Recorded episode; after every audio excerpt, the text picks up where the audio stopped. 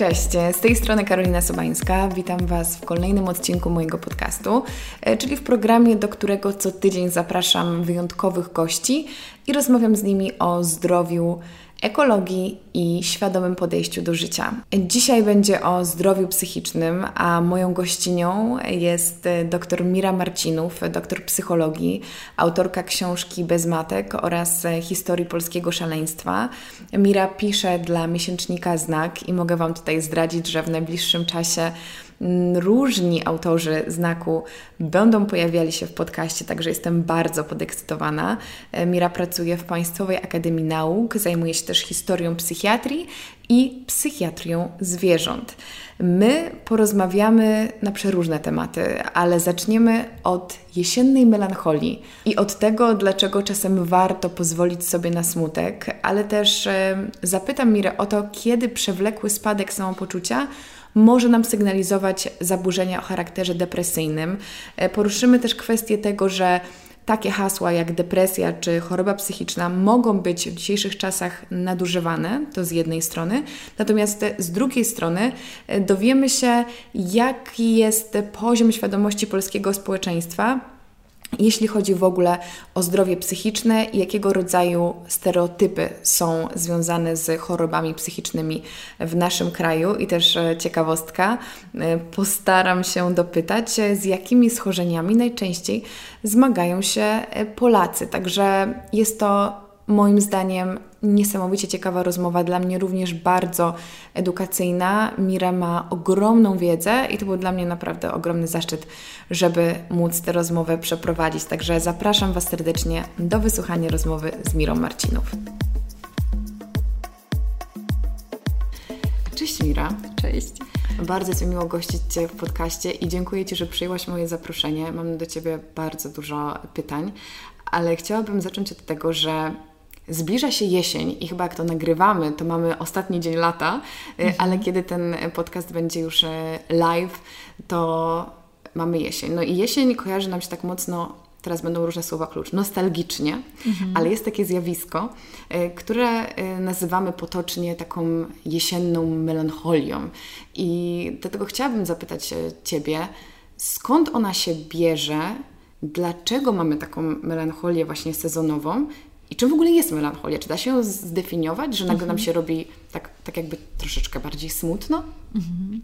No dzisiaj mamy równonoc i teraz od tej pory będzie to zrównanie, czyli tego, co ciemne, co mroczne, co melancholijne, z tym, co, mówiąc tak metaforycznie, z tym, co optymistyczne, dzienne i świetne i, i zmierzamy w tą stronę jakby mroku. To znaczy konkretnie, jeżeli chodzi o kwestie związane, już przechodząc na taki bardziej naukowy język, ale wciąż mam nadzieję, no bardzo jakby oczywisty i zrozumiały, to będziemy mieli coraz mniej światła, a światła potrzebujemy do tego, żeby funkcjonować. Mm, na pełnych obrotach. Tak? To są konkretne też kwestie neurohormonalne, to jest kwestia witaminy D i tego, jak funkcjonujemy. I to jest jedna sprawa dotycząca tego, że właściwie teraz e, będziemy się mierzyć z tym, no właśnie ja bym nie używała tutaj określenia i Ty też słusznie no nie używasz depresja, tylko na przykład mhm. melancholia, nostalgia i to jest coś, co może być bardzo, no bardzo takim lubianym stanem. Takim stanem e, to są te jesieniary, tak? Teraz mhm. wyjdą jesieniary pielęgniary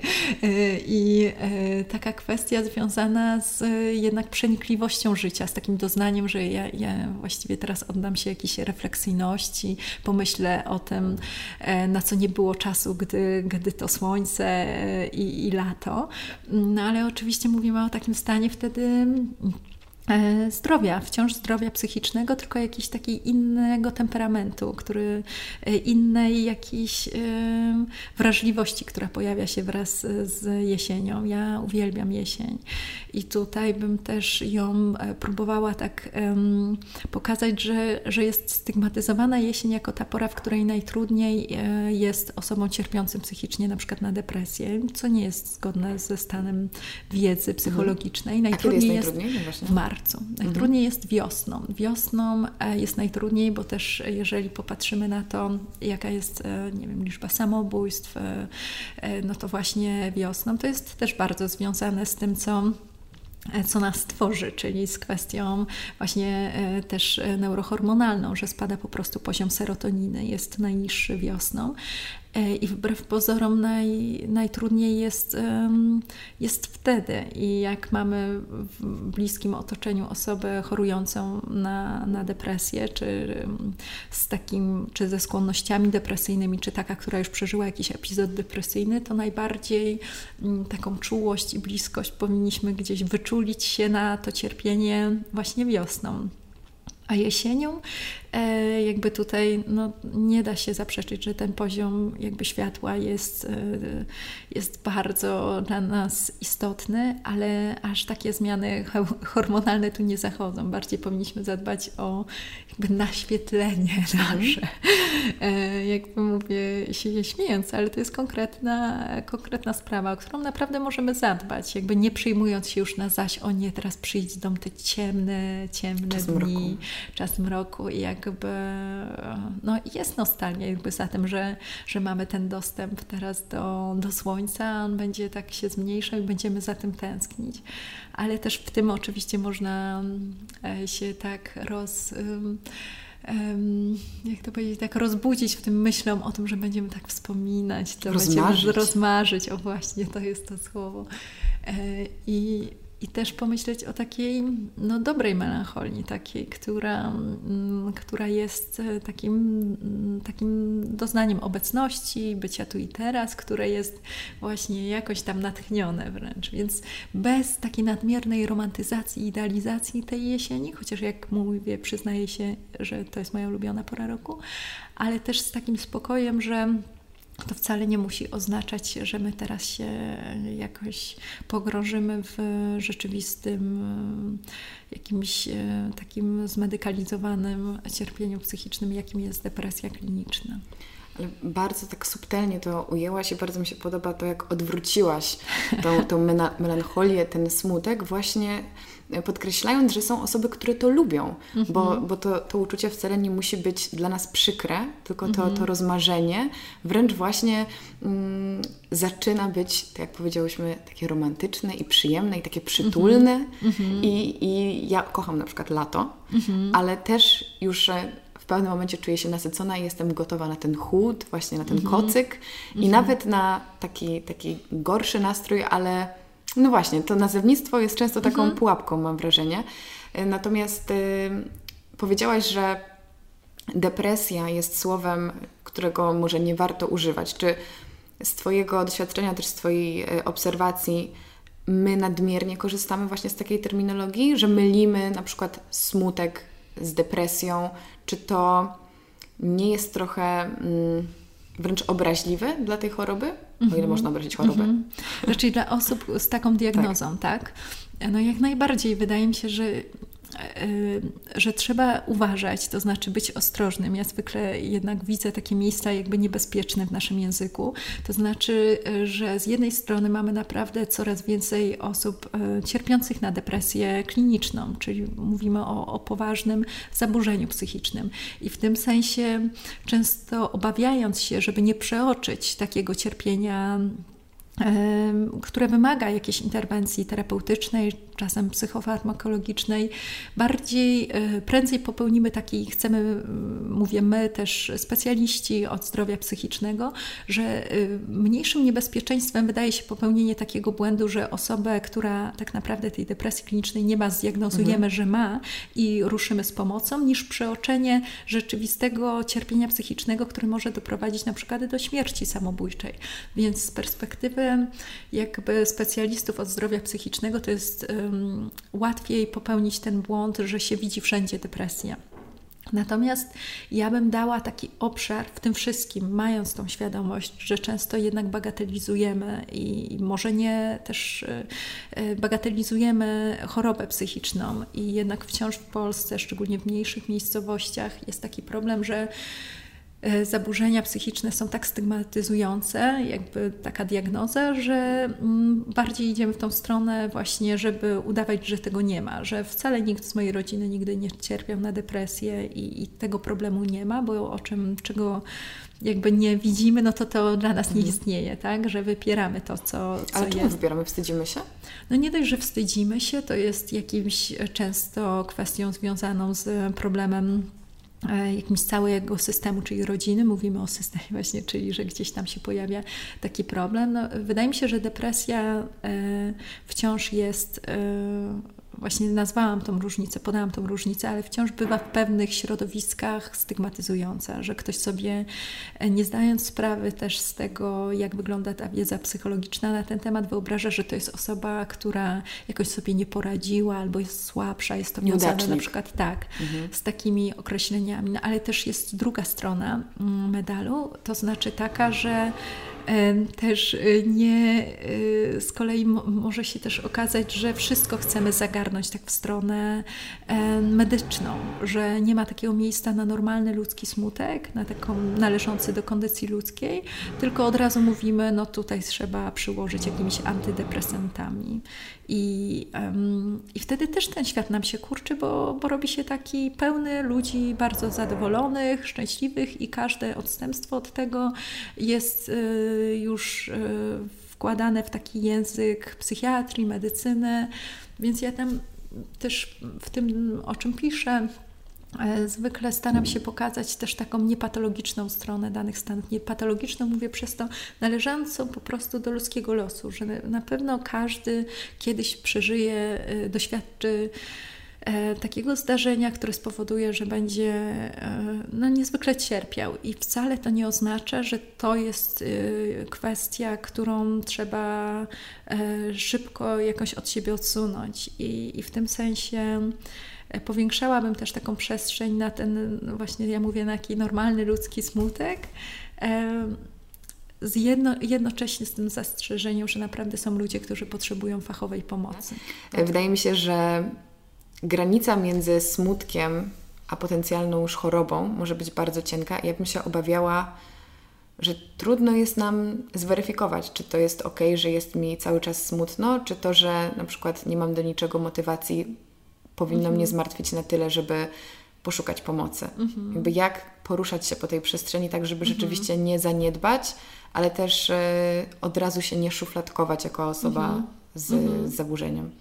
Czyli to też nie jest szufladka. Osoba z zaburzeniami nastroju to też jest po prostu, każdy ma mhm. inaczej. Stan. I, tak, inny stan i inaczej w tym wszystkim funkcjonuje. Myślę, że masz rację, że jakby problemem jest y, to, że to jest tak cienka granica pomiędzy tym smutkiem, który gdzieś tam jest naszym doświadczeniem, a takim, który e, no już jest chorobą, jest zaburzeniem psychicznym, że częściej chyba Teraz też mając taką samoświadomość i jakby poruszając kwestię zdrowia psychicznego, szybciej zapala nam się to czerwone światło, że to jest może już y, ten moment. Y, I dobrze, że tak jest. Y, z tym, że jest myślę wiele różnych innych też sposobów, żeby zwiększać tą swoją mm, samoświadomość, żeby obserwować siebie. Kiedy e, wiem, że zawsze jak mm, przyjdą pierwsze pochmurne dni, to wskakuję pod koc i biorę, nie wiem, taki kubas gorącej herbaty i biorę książkę, ale raczej nie myślę o tym, żeby iść na imprezę, tylko, tylko gdzieś idę w tę stronę, że rozmyślam, nie wiem, wydarzenia, romanse z, z całego lata, to może wiem, że, że to nie, nie będzie najbardziej pozytywny czas, ale nie taki, który doprowadzi do do stanu, który no, można też się przyjrzeć, y, jakie objawy są depresji, że jeżeli y, mamy długotrwający smutek, apatię, brak energii, jakiś brak apetytu albo nadmierny apetyt, problemy ze snem, y, to może ta właśnie taka forma, e, w moim przypadku apatii, która by na przykład powodowała, że przez tydzień nie wychodzę,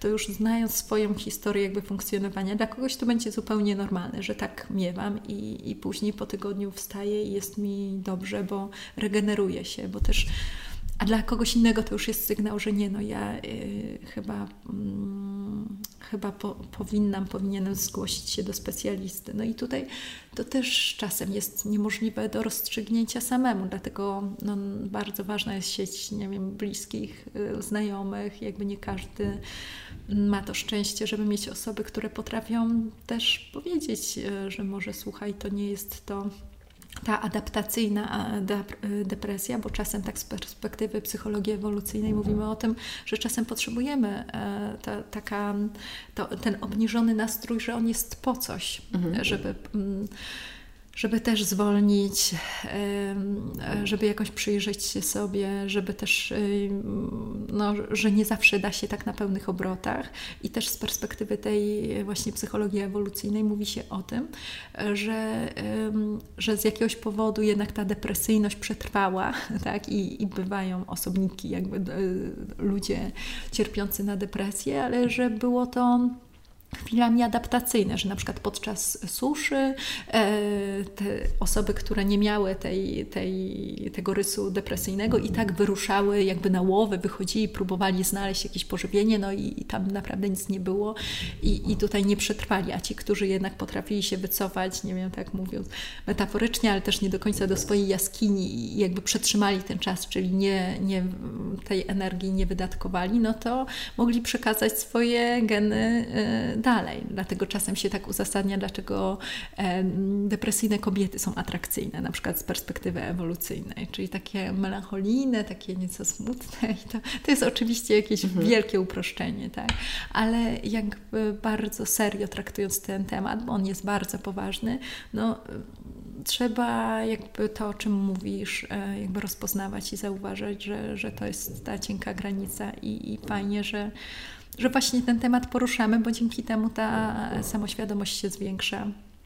Powiedziałaś, e, że mimo wszystko jednak na skalę kraju, szczególnie właśnie przykładowo w mniejszych miastach, ta świadomość jest stosunkowo niższa, że różnego rodzaju zaburzenia psychiczne mogą być traktowane jako coś wstydliwego albo coś, do czego nie warto się w ogóle przyznawać. Mm, czy nie jest trochę tak właśnie z depresją w rozumieniu e, naszym, że ja się często spotkałam z taką, z taką reakcją, że ktoś tam ma depresję, ale przecież on nie ma powodu. Aha. I może warto odpowiedzieć sobie na takie pytanie, albo raczej postawić taką tezę, że nie trzeba mieć powodu, żeby mieć mm -hmm, depresję. Mm -hmm. No jak najbardziej. To kiedyś stosował się też taki podział na tak zwaną depresję egzogenną i endogenną, mhm. czyli ta egzogenna byłaby wynikiem jakichś doświadczeń zewnętrznych, a endogenna byłaby e, no, bardzo właśnie wewnętrzna, jakby nie wiadomo skąd, jakby ktoś nie wiadomo skąd, a dzisiaj wiemy coraz więcej, że wiadomo, że jest to związane też z tym, w jaki sposób działa nasz mózg, w jaki sposób gospodarka neurohormonalna nam działa, że, że są te takie biologiczne podstawy takich, a nie innych e, nastrojów. E, I oczywiście to jest takie, mm, myślę, bardzo raniące dla osób cierpiących na depresję e, założenie, że to musi z czegoś wynikać, tak? Jeżeli ktoś e, nie doznał niczego, nie wiem, dramatycznego, e, to powinien po prostu być cały w skowronkach. No a tak, e, tak nie jest. I właściwie szukanie też takich przyczyn w zdarzeniach zewnętrznych no jest dość takim, powiedziała, potocznym wyobrażeniem na temat tego, jak wygląda depresja. Ja zresztą zrobiłam kilka lat temu takie badania, przeprowadziłam wywiady z osobami nie związanymi ze służbą zdrowia, z psychologią na temat potocznych wyobrażeń. To się nazywało jakoś tak, y, tak potoczne konceptualizacje dotyczące cierpienia psychicznego. Jak ludzie sobie mm, z różnych przestrzeni mm, wyobrażają, czym jest choroba psychiczna, i zwykle jednak każdy miał jakieś doświadczenie kogoś bliskiego, często w rodzinie chorującego psychicznie. To jest naprawdę problem dotykający e, bardzo duże liczby osób w Polsce i ogólnie też szerzej, ale, ale ja badałam ten właśnie ten temat w Polsce, a moja koleżanka, e, która jest profesorką socjologii, z kolei robiła analogiczne badania w Portugalii i porównywałyśmy, jakie tu są różne wyobrażenia na ten mhm. temat. I wyszło, że tu i tu z podobieństw ludzie sobie wyobrażają to w ten sposób, że, że są silni ludzie, są chorzy mm. ludzie, chorzy psychicznie i są ci pomiędzy, słabi. E, to tak było właśnie nazywane, czyli tacy, którzy przy okazji jakichś negatywnych wydarzeń mogą wejść do tej grupy chorych, mm, ale jak nic im się nie przytrafi, to są tacy pomiędzy właśnie, to jakoś funkcjonują. I to oczywiście też no jest, powiedziałabym, bardzo raniące, ale też nie pozwalające mierzyć się z problemem, bo często tam się pojawiały też takie kwestie związane z tym, że to są ci leniwi, tym, którym się nie chce, albo właśnie jakoś słabi, czyli wszystko jest sprowadzane do jakiegoś takiego problemu, E, jednak z tą osobą, a nie z tym, że, że właściwie tak jak różnego rodzaju inne kwestie mm, no, medyczne, mhm. są też kwestie zdrowia psychicznego, które rzeczywiście e, nam się jakby przytrafiają, tak? No i tutaj też ciekawe były, mm, ciekawe były różnice, bo w Polsce pojawiła się kwestia mm, uzależnienia od alkoholu. Mhm. Ludzie tak nie sądzili, że to może być jakieś zaburzenie psychiczne. No bo po prostu e, ktoś pije, bardzo, tak, bardzo no to jest pijak i sam tego chciał, tak jakby to Oczywiście tu to jest bardzo ciekawy i taki płynny temat, no bo rzeczywiście tu jest kwestia związana z tym, że jeżeli chodzi o różnego rodzaju używki, że na ile jest to kwestia jakiegoś przyzwolenia na, na te stany, ale że to jest też w którymś momencie, że mm, jak to się dzieje, że przechodzimy już na taką stronę, gdzie nie ma kontroli nad naszym zachowaniem, tak? I kiedy mówimy o właśnie e, już patologicznym nadużywaniu jakichś substancji psychoaktywnych i o tym uzależnieniu nie tylko psychologicznym, ale też fizycznym, Natomiast w Portugalii jakby mhm. ten problem nie istniał. Były kwestie związane z kolei z demencją i że, że o tym ludzie mówili, o coś, co w Polsce jakby, co, czy to jest jak, jakaś kwestia zaburzenia albo jakiejś choroby neurologicznej, co to jest demencja? Jakby nie mamy tak starego mhm. jakby spo, społeczeństwa, żeby myśleć właściwie już y, o, o tych problemach. Więc bardzo ciekawe dla mnie były te takie wywiady pogłębione, gdzie ludzie mogli odkryć i opowiedzieć, co oni sądzą o tych y, osobach cierpiących psychicznie. A jak byś oceniła stan psychiczny Polaków? Co jest ogromnym pytaniem. to tak, o, ogromnym i bym musiała y, odpo- Jakie mamy tendencje do, narodowe? Do, o, może tak. Mhm, do odpowiedzi na to pytanie, patrząc na jakieś dane. Na pewno teraz po po lockdownie, a w trakcie pan pandemii e, jest bardzo dużo nowych zachorowań. Mm, najczęściej są to zaburzenia nastroju. Osoby, które wcześniej chorowały psychicznie, często jeżeli chodzi o zaburzenia nastroju, czyli przede wszystkim o depresję, bardzo dobrze sobie radziły w trakcie mhm. lockdownu na początku. Natomiast osoby, które nigdy nie miały tego typu problemów, mm, rzeczywiście teraz e, ten problem się pojawił, więc mamy e, też na tle mm, europejskim, ja częściej to mm, badałam w odniesieniu do młodych ludzi, to mamy olbrzymią liczbę młodych ludzi chorujących na depresję. Naprawdę. Takich młodych chyba nawet nastolatków. Nastolatków, tak. To były takie raporty dotyczące właśnie nastolatków. E, I właściwie tutaj obok depresji to są też zaburzenia lękowe, różnego rodzaju, nie tylko fobia, ale przede wszystkim takie uogólnione zaburzenia lękowe z atakami paniki, e, e, też takie fobie społeczne. Więc rzeczywiście to są też kwestie, które uniemożliwiają w takim okresie bardzo istotnym dla takim formacyjnym, co dalej często, nie wiem, przypominam sobie też sytuację, sytuację, że sama mm, ja już nie praktykuję, ale e, praktykując e, i, i, mając swój gabinet, to myślałam o tym, że na przykład miałam taką pacjentkę w wieku maturalnym i tutaj z zaburzeniami lękowymi i nastroju dawno temu, ale pamiętam, że tutaj to były takie kwestie bardzo e, no bardzo na tu i teraz, bo miała mhm. przystąpić do matury. Trzeba było coś z tym po prostu zrobić, a nie tak nie, nie w ten sposób pomyśleć, że teraz głęboko będziemy pracować nad problemem, tylko czasem rzeczywiście trzeba bardzo szybko działać. Ale jak pytasz o, o te tendencje narodowe, mhm. Y, to mamy takie autostereotypy Polaków też, że to raczej są takie smutasy, że mhm. jesteśmy raczej smutni, właśnie mm, tak jak Portugalczycy mają swoje saudat, czyli też jakąś taką formę zbiorowej melancholii, to że my też tak mamy. No ale my mamy też problem z uzależnieniami, to o tym trzeba e, powiedzieć głośno. Tak i podkreślić, że uzależnienia są formą zaburzeń psychicznych. Tak, dokładnie, bo wydaje mi się, że wciąż to tak trochę funkcjonuje bardziej socjologicznie, jako jakiś, jakoś forma taka mm, problemu społecznego, a nie problemu psychicznego. Um, no ale teraz właśnie myśląc jeszcze o czymś takim bardzo, mm, może właśnie mniej polskim, ale bardzo pandemicznym, to nie wiem, czy słyszałaś kiedyś tylko w kwestiach, Jap w Japonii mówiło się o czymś takim jak hikikomori. Hikikomori to jest taki rodzaj um, zaburzenia właśnie bardziej myślano społecznego, wycofanie społeczne. To są, które zaobserwowano wyłącznie u e, najczęściej dwudziestolatków japońskich, żyjących bardziej tak w internecie. Mhm. Są osoby, jakby zjawisko hikikomori to jest takie zamknięcie się w swoich czterech ścianach, przestrzeni takiej domowej, kontakt z rzeczywistością tylko poprzez internet, no i trwający przynajmniej pół roku. No i teraz e, bardzo wielu z nas zostało no, zamkniętych, e, izolowanych i takie zjawisko, które wcześniej tylko obserwowano w Japonii, no, zostaliśmy zmuszeni jakby do tego, żeby, żeby też wejść w to hikikomori, które jest bardzo związane też z depresją, jakby z, z zaburzeniami nastroju, e, z obniżeniem nastroju.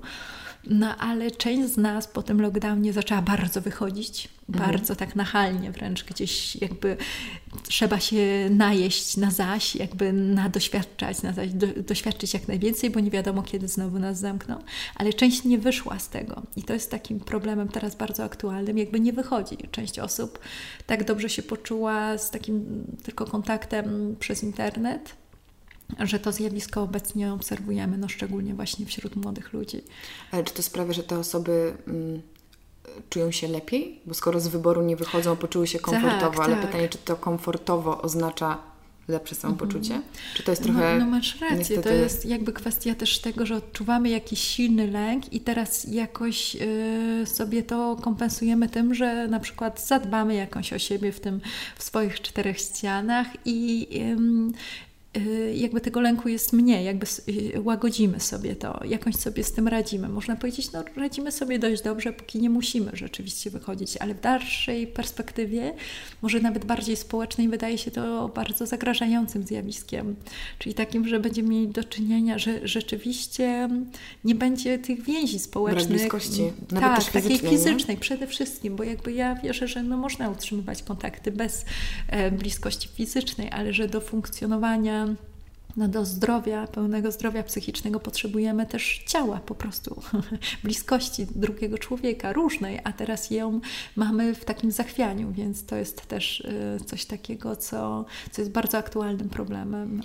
Ja pamiętam, jak e, byłam trochę młodsza i mhm. oglądałam amerykańskie filmy, e, to bardzo często bohaterowie chodzili do terapeuty i w tych czasach, kiedy powiedzmy, nie miałam 10 lat, jak zaczęłam to dostrzegać, mm, widziałam, że też w moim otoczeniu i też ja sama trochę się z tego śmiałam.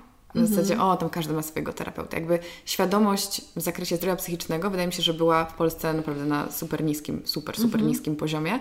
Więc y, to było dla mnie komiczne, że coś takiego się mhm. zdarza. Teraz ja osobiście widzę przynajmniej w moim otoczeniu rzeczywiście mówi się o tym więcej. Sama o tym więcej mówię, sama się dokształcam i mamy więcej przestrzeni na to, żeby zaakceptować, że ktoś może mieć problem psychiczny lub że my możemy mieć problem psychiczny. Mm, czy Ty też widzisz jednak te tendencje pozytywne, że ta świadomość się mhm. zwiększa i te problemy są normalizowane? Mhm. Jak najbardziej. No, e, też nie, nie, chciałabym przesadzić, bo żyjemy w jakiś, każdy w jakimś swoim kręgu. E, no, ja mogę bardziej to zbadać, przyjrzeć mhm. się tym danym, no ale rzeczywiście na przykład w Warszawie, gdzie, gdzie się spotykamy, no jest e, szczególnie w pewnych środowiskach, nie wiem, artystycznych, naukowych, każdy ma swojego psychoterapeutę, tak?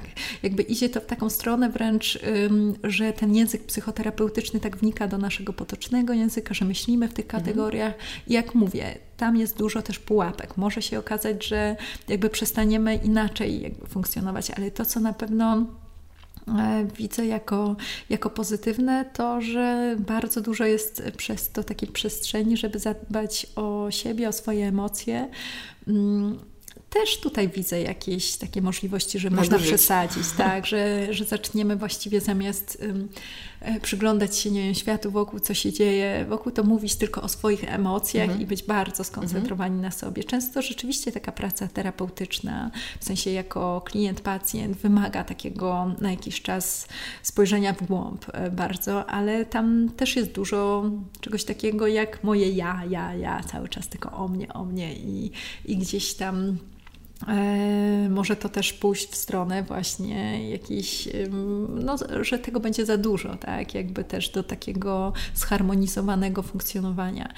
ale no, e, trend jest bardzo teraz terapeutyczny i takiego terapeutyzowania mm, też siebie i to no, ma też przeciwdziałać, jakby przeciwdziałać zaburzeniom psychicznym, tak? bo, bo dużo nie, też po prostu pieniędzy jest wkładanych w to, żebyśmy nie tyle tylko leczyli zabur zaburzenia psychiczne, ale też żebyśmy przeciwdziałali mhm. wystąpieniu ich. No i możemy na różne sposoby właśnie zadbać, e, zadbać o siebie. I jednym z takich e, pomysłów jest to, żeby nie będąc jednoznacznie patologicznym stanie, wybrać się, ale mając e, kwestie, które chcemy, którym chcemy się przyjrzeć, sobie się przyjrzeć w różnych sytuacjach, żeby wybrać się właśnie na przykład do psychoterapeuty.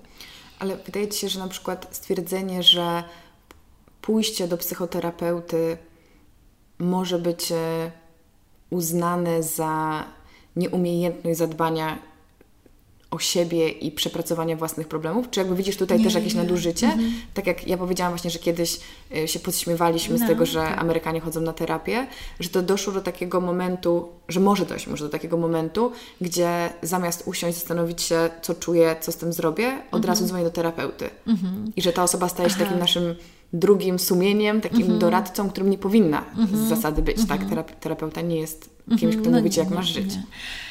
E, to no, bardzo ciekawe, bo ja najpierw pomyślałam, jakby tu się nie zgodziłam, e, bo pomyślałam o tym, że właściwie pójście do psychoterapeuty jest uważane dzisiaj w pewnych e, środowiskach za taką właśnie formę zadbania o siebie, mhm, a tak. takiego skoncentrowania się na sobie.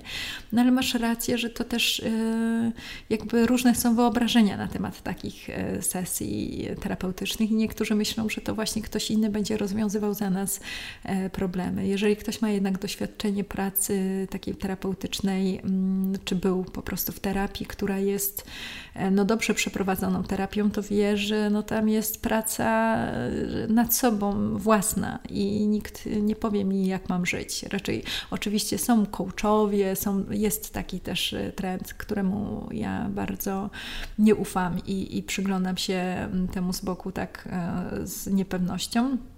E, to znaczy osób, które w taki dyrektywny sposób mówią nam rzeczywiście, jak mamy żyć. No ale to jest też, bym tego zupełnie nie likwidowała z, rzeczywistości, bo są osoby, które mają taką potrzebę, tak? Jakby nie o to chodzi, żeby odpowiadać na wszystkie potrzeby, bo jak wiemy, mamy różne i niektóre są autodestrukcyjne albo po prostu powodują cierpienie u innych, ale jednak jest część osób, która no nie chce już, jakby tyle jest roboty wszędzie wokół, no to już pójdę do kogoś, kto mi trochę powie, co tutaj robić. Niektórzy idą do wróżki, tak, nie, idą e, jakby do, no, w różne miejsca, tak. A inni szukają do, do przyjaciela. Tak, tak. Ale tutaj właśnie to, to co mówisz, to, to wydaje mi się trafne też, że, że dla niektórych to może być takie stygmatyzujące pójście do terapeuty, bo być może to oznacza, że nie mam przyjaciela, że ja nie mam mm. kogoś takiego, tak po, też w tą stronę, jak teraz to, to nazwałaś, pomyślałam, że to może być taką, aha, e, stygmatyzacją, że ja nie mam... Nie mam do kogo się zwrócić, no, nie mam do kogo się zwrócić, tak. Ale to też jest tak często, źle? wybacz, że Ci wejdę w słowo, ale mhm. ja też e, jako że interesuję się tym tematem, to bardzo obserwuję to właśnie, w jaki sposób ludzie się opowiadają o kwestii terapii czy o zdrowiu psychicznym w takiej, w takiej sytuacji, kiedy na przykład nie znają mojego zdania, wtedy jest najciekawiej, bo w żaden sposób nie starają się dostosować swoich, no tak. e, swoich mhm. zdań e, do tego, co ja potencjalnie mogę odczuwać. I właśnie czasami słyszę takie hasła, raczej w starszych pokoleniach, choć myślę, że wielu młodych ludzi ma podobne poglądy, że ojejku, chcesz z kimś pogadać, zadzwoń do koleżanki, albo nie masz mm -hmm. z kimś mhm. porozmawiać, po prostu musisz się wygadać, jakby po co ci to. Mm -hmm. Z jednej strony to, a właśnie z drugiej strony też, e, tak jak wspomniałaś, że to jest oznaka e, słabości, właśnie nie radzisz sobie ze swoimi mm -hmm. problemami, jakby musisz to zwrócić mhm. na kogoś innego.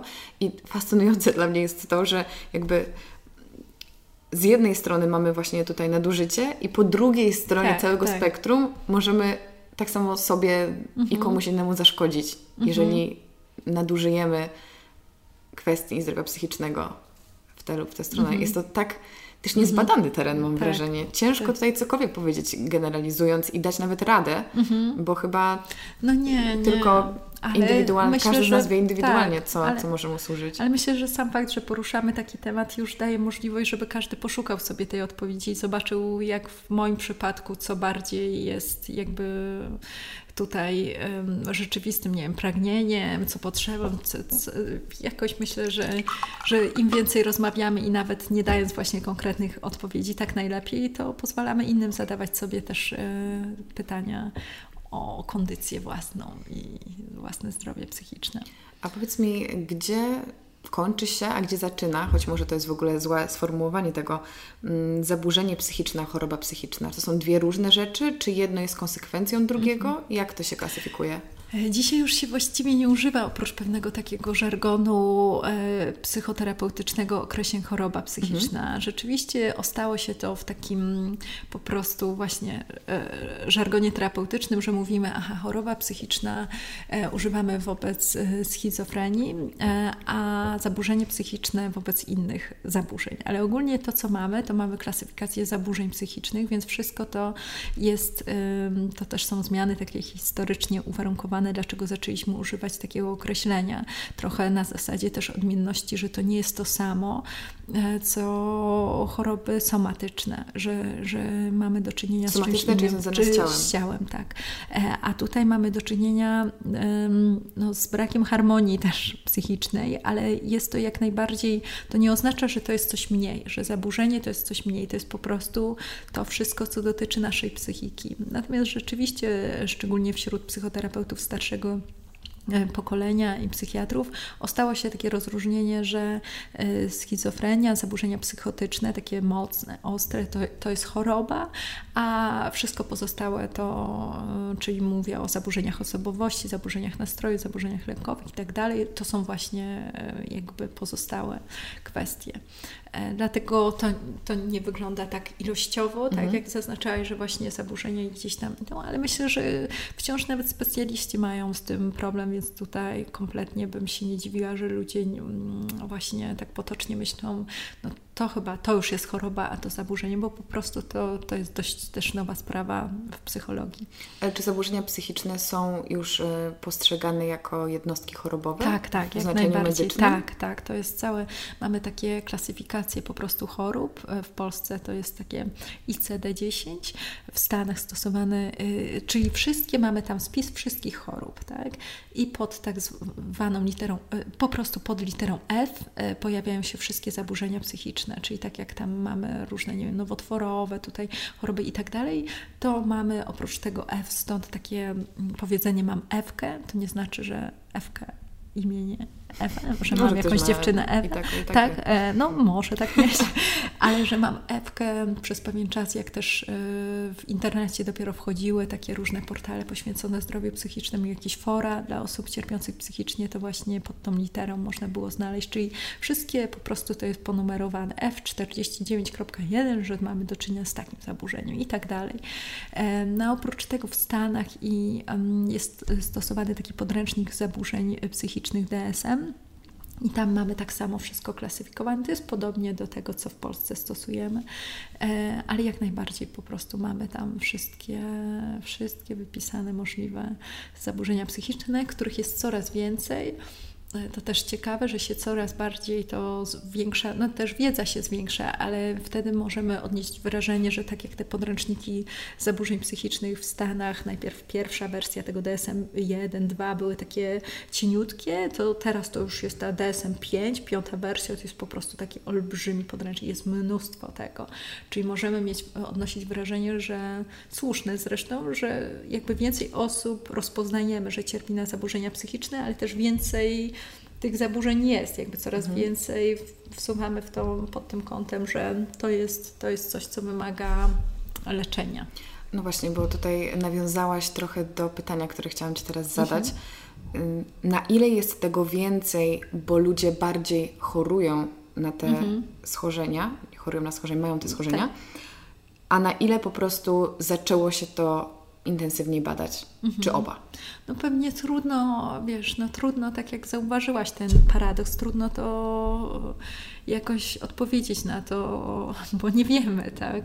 Jest um, wielu badaczy wskazujących na to, że właściwie ten trend jednak psychopatologizacji, czyli mówienia o tych różnych naszych doświadczeniach w kategoriach psychopatologicznych, psychiatrycznych, mówienie, że to jest zaburzenie się zwiększa na tyle, że być może niedługo nie będzie zachowań, które, które będziemy mogli uznać za zdrowe, że jest to związane z też rynkiem psychofarmakologicznym, mhm. że to jest jakiś biznes, że jak jest, powstaje lek, który, mm, który odpowiada na różnego rodzaju nasze E, no, nasze cechy, na przykład typu nieśmiałość, no to możemy wziąć swego czasu, był, nie, że gdy wszedł w latach 80. Prozak, czyli fluoksetyna, no to bierzmy wszyscy Prozak i będziemy bardziej przebojowi. To tak pasowało też do tej kultury amerykańskiej, e, więc pojawił się taki problem tak zwanej psychofarmakologii kosmetycznej, trochę tak jak jest chirurgia kosmetyczna, mm -hmm. plastyczna, Czyli poprawiamy sobie nasze poprawiamy sobie, tak, dokładnie. Czyli, że nie, nie mamy do czynienia jednoznacznie tutaj z, no, z depresją kliniczną. To nie jest osoba, która chce popełnić samobójstwo zaraz, ale na przykład jest dość nieśmiała, jest e, wycofana, no a społeczeństwo teraz domaga się od nas takiej aktywności, żeby być obecnym, żeby dużo robić, bardzo dużo robić. Myślę, że wobec młodszych osób jest to coraz jeszcze większy nacisk, więc skoro istnieje analogicznie możliwość, żeby poprawić sobie usta czy nos, no to ja mogę sobie poprawić nastrój, poprawić sobie poziom energetyczny, charyzmę, charyzmę tak. I, I w ten sposób pojawił się taki dylemat, mm, właśnie jakby w którą stronę zmierzamy. Czy to jest mm, czy możemy tak ingerować w ludzką psychikę, czy możemy sobie tak poprawiać wszystko, tak? No to jest kwestia jakby dylematów też, który każdy z nas może stoi przed tym, czy chce w ten sposób. Tu się pojawia taki takie podejrzenie, że to będzie jakoś sztuczne, że jak coś jest psychofarma, coś jest z zewnątrz, to jest jakoś sztuczne, czy chce tak ingerować sztucznie w nas, czy chcemy stworzyć bardzo podobnych ludzi do siebie, czyli nie będzie już tych, tak jak, nie wiem, byłyśmy może w podstawówce i były osoby nieśmiałe i bardziej przebojowe, to wszyscy będą po prostu bardzo hej do przodu. No, więc to jest taki... To jest niesamowicie ciekawe, oczywiście też zatrważające, ale powiem Ci, że Skłania mnie to mocno do refleksji, bo też e, widzę taki problem, który mógłby się pojawić, że nawet jeżeli ja uznam, że nie pasuje mi to, że świat byłby tak regulowany, nasze mhm. nastroje -hmm. byłyby regulowane, nasza osobowość byłaby tak regulowana w tak łatwy sposób, można powiedzieć, to z drugiej strony, decydując się nie uczestniczyć w tym, podczas -hmm. gdy wszyscy inni tego używają, też jest tak. to strasznie trudną potencjalnie decyzją. I też um, sama nie wiem, co bym zrobiła w takim -hmm. świecie, prawda? Jasne. Kiedy wszyscy są tacy, jakich, jakimi ich chcemy oglądać, a mhm. ja pozostaję sobą w zgodzie ze swoim e, sumieniem, jakimś tam e, jakąś swoją etyką, mhm. ale przez to odstaję od społeczeństwa, to, to znowu też tworzy jakieś takie podziały i mhm. brzmi to niebezpiecznie, ale też e, kolejna kwestia to to, że im bardziej zaczęliśmy akceptować zaburzenia psychiczne, no to właśnie od razu pewne przedsiębiorstwa zobaczyły, że tutaj też można Zarobić. na tym e, zyskać, e, bo teraz nie chodzi tylko o to, że nas boli kolano, ale nas boli istnienie. I, i też możemy, mhm. E, jako że to jest modne, można użyć takich mhm. słów, jakby to jest, to jest tak. fakt, jakby zdrowie mhm. psychicznie stało się mhm. poniekąd trendem, który jest dobry, uważam, ale właśnie prowadzi do takich sytuacji, gdzie jest tak komercjalizowany, że, że to my musimy znowu zrobić krok do tyłu mhm. i przyjrzeć się temu, zastanowić się, czy chcemy być tego częścią. Mhm. Ale kiedy wszyscy są tego częścią, to czy chcemy tak. być odludkami? Są też takie badania e, w Stanach przeprowadzane, ale myślę, że bardzo szybko możemy zrobić analogię do Polski, że są pewne produkty, których była jakby nadwyżka, za dużo się wyprodukowało, a później, no jak jest. Mm, jakiś podaż, no to musimy stworzyć popyt, musimy stworzyć potrzebę. I tak było w Stanach z suwami, mówię o samochodach terenowych, które jakby oryginalnie miały być stworzone po to, żeby przewozić po jakimś górskim terenie e, tony e, jakichś, nie wiem, drewna sobie tak możemy wyobrazić, a raptem ludzie zaczęli przemieszczać się o godzinie, nie wiem, 15 do supermarketu suwami i tak. No i po prostu tak, że akurat bardzo podobają mi się, mówię to trochę tak wbrew sobie, ale to mhm. może też jest stworzona potrzeba, że tak. bardzo mi się podobają duże samochody no, terenowe, ale jakby nie jest tak, że my ich potrzebujemy, żeby przemieścić się z punktu A do punktu B i kupić coś tam drobnego na przykład. Że trzeba było stworzyć taką potrzebę, jakby za dużo ich wyprodukowano i badania właśnie bardziej z perspektywy takiej ekonomiczno-socjologicznej wskazują, że dlatego zaczęliśmy pokazywać ludziom, że potrzebują, potrzebują tych słów, one są bardzo ładne, jakby używajcie je trochę, jakby trochę widzisz, że tak jakby niepotrzebnie. Podobnie mhm. było z komórkami, na początku telefonami komórkowymi, no i wskazuje się, że oprócz suwów, e, telefonów komórkowych, które miały też pełnić jakąś taką funkcję bardziej alarmującą, no teraz już jesteśmy w całkiem innym punkcie, ale ja mówię też o takim przełomie lat 90., 2000, mhm. jakby co się działo. No i właśnie tak było też z psychotropami, że jakby bardzo duży był ten rynek i teraz trzeba było wytworzyć potrzebę, że, że też potrzebujesz, też potrzebujesz prozaku, tak? Jakby, że, że za mało było jakby osób, które rzeczywiście tego potrzebowały, więc wtedy jak pomyślimy o tym, że to nie jest, że to jest bardzo skomplikowany, wiadomo, bardzo skomplikowany proces, to to jest to, a to o czym mówisz, Wydaje mi się, no to bardzo działa ta analogia z chirurgią plastyczną, kosmetyczną, że rzeczywiście myślimy o tym, e, ok, no ja już też jestem w takim wieku, że dużo moich rówieśników e, poddaje się jakimś drobnym zabiegom e, kosmetycznym, no i gdzieś tam się pojawia taka myśl, wszyscy będą przez to przechodzili, mhm. więc osoba, która tego nie zrobi, będzie odstawała, co więcej. Będziesz najstarsza będzie, wśród swoich tak, rówieśników. Dokładnie. Plus to, że, y, że jest też uwikłane w kwestie znowu ekonomiczne, że jakby to będzie rodzaj zadbania o siebie, mhm. tak? Czyli dbasz o siebie, bierzesz y, drogie, tak, statusu materialnego, bierzesz drogie psychotropy, bierzesz drogie, nie wiem, y, co tam będzie, silikonowe, czy już na pewno nie silikonowe jakieś usta i tak dalej, że to jest jakaś forma też zgody na różnorodność, ale wymagająca wiesz, no odwagi. No może kiedyś ktoś to posłucha i pomyśli, jak, na, jak naiwnie myśleliśmy, że możemy tego uniknąć. Może mhm. tego się nie da uniknąć, tak? E, żeby jakoś... Um, dalej funkcjonować. Więc wydaje mi się, że to niesamowita też e, jakby dyskusja na to, co o przyszłości, tak? która bardzo szybko może stać się teraźniejszością. Tak, znowu czytasz mi w myślach, bo właśnie na koniec chciałam zadać tak. Ci to pytanie, jak Ty widzisz rolę rozmowy może o, o zdrowiu psychicznym w Polsce i czy Twoim zdaniem Polacy są gotowi na to, żeby podejść równie poważnie do problemów psychicznych, jak podchodzimy na przykład do choroby narządów? Mhm. O rany, no to bardzo trudne pytanie. Na, takie, skoro na koniec, to e, postaram się szybko jakoś odpowiedzieć. Wydaje Słuchaj, mi się... masz, masz czas u mnie, nieograniczony. Wydaje mi się, że, e, że właściwie ta rozmowa już trwa, e, rozmowa o zdrowiu psychicznym od dobrych kilku lat. Ona jest wciąż trochę czymś takim niechcianym, że o ile mm. nie mamy tego problemu, to raczej nie słuchajmy. Ja też się spotkałam z tym, zajmując się od lat kwestiami związanymi właśnie z psychiatrią, że po co to mi jest takie nieładne, takie nieestetyczne zajmowanie się czymś takim, e, takim trochę niepasującym do takiego obrazka jakiegoś e, szczęśliwego życia. E, I wydaje mi się, że to też dużo mówi o tym, że nie mamy takiej przestrzeni na to, żeby zobaczyć, że to też jest wielobarwne, że kwestia zdrowia psychicznego to jest coś, co tak jak, jak um, jak życie ludzkie mhm. jest też przestrzeń na to, tak? na, na kwestie związane z tym, że nikt nie jest wolny od różnego rodzaju problemów psychicznych. Ale um, powaga, którą nadajemy temu tematowi, myślę, że um, że dopiero pojawi się wtedy, gdy zobaczymy niestety zatrważające liczby osób, szczególnie bardzo młodych osób popełniających samobójstwo, że wtedy to mam nadzieję, że unikniemy tego. Możliwe, że naiwnie mówię, bo już tego nie uniknęliśmy, bo to jest naprawdę mm, poważny problem, y, ale gdzieś Masz to jakieś będzie... dane tutaj?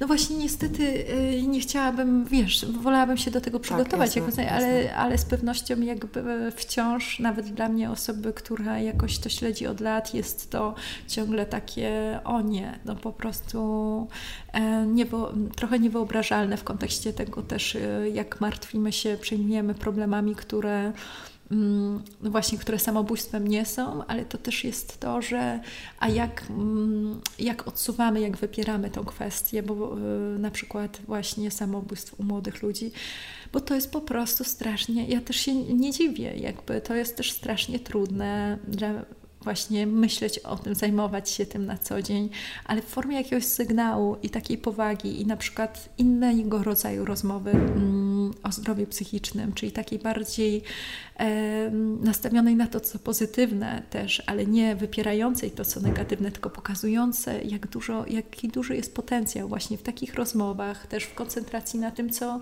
co pozytywne. Mm może być taką metodą e, i właśnie to, dlatego bardzo jestem Ci wdzięczna i cieszę się, że w różnych mediach właśnie dzięki też Tobie to może się pojawić, e, temat zdrowia psychicznego, bo to jest właśnie myślę metoda na to, żeby też w innych, nie w takich barwach bardzo no, szaroburych i takich pokazujących jakieś okropne lochy takich szpitali psychiatrycznych, mhm. że można, można o tym mówić, że to jest właśnie też temat, e, i kwestie, które dotyczą każdego z nas i czasem no nie trzeba do tego mm, e, właśnie odrapanych e, ścian i czarno-białej przestrzeni, żeby mówić o tym.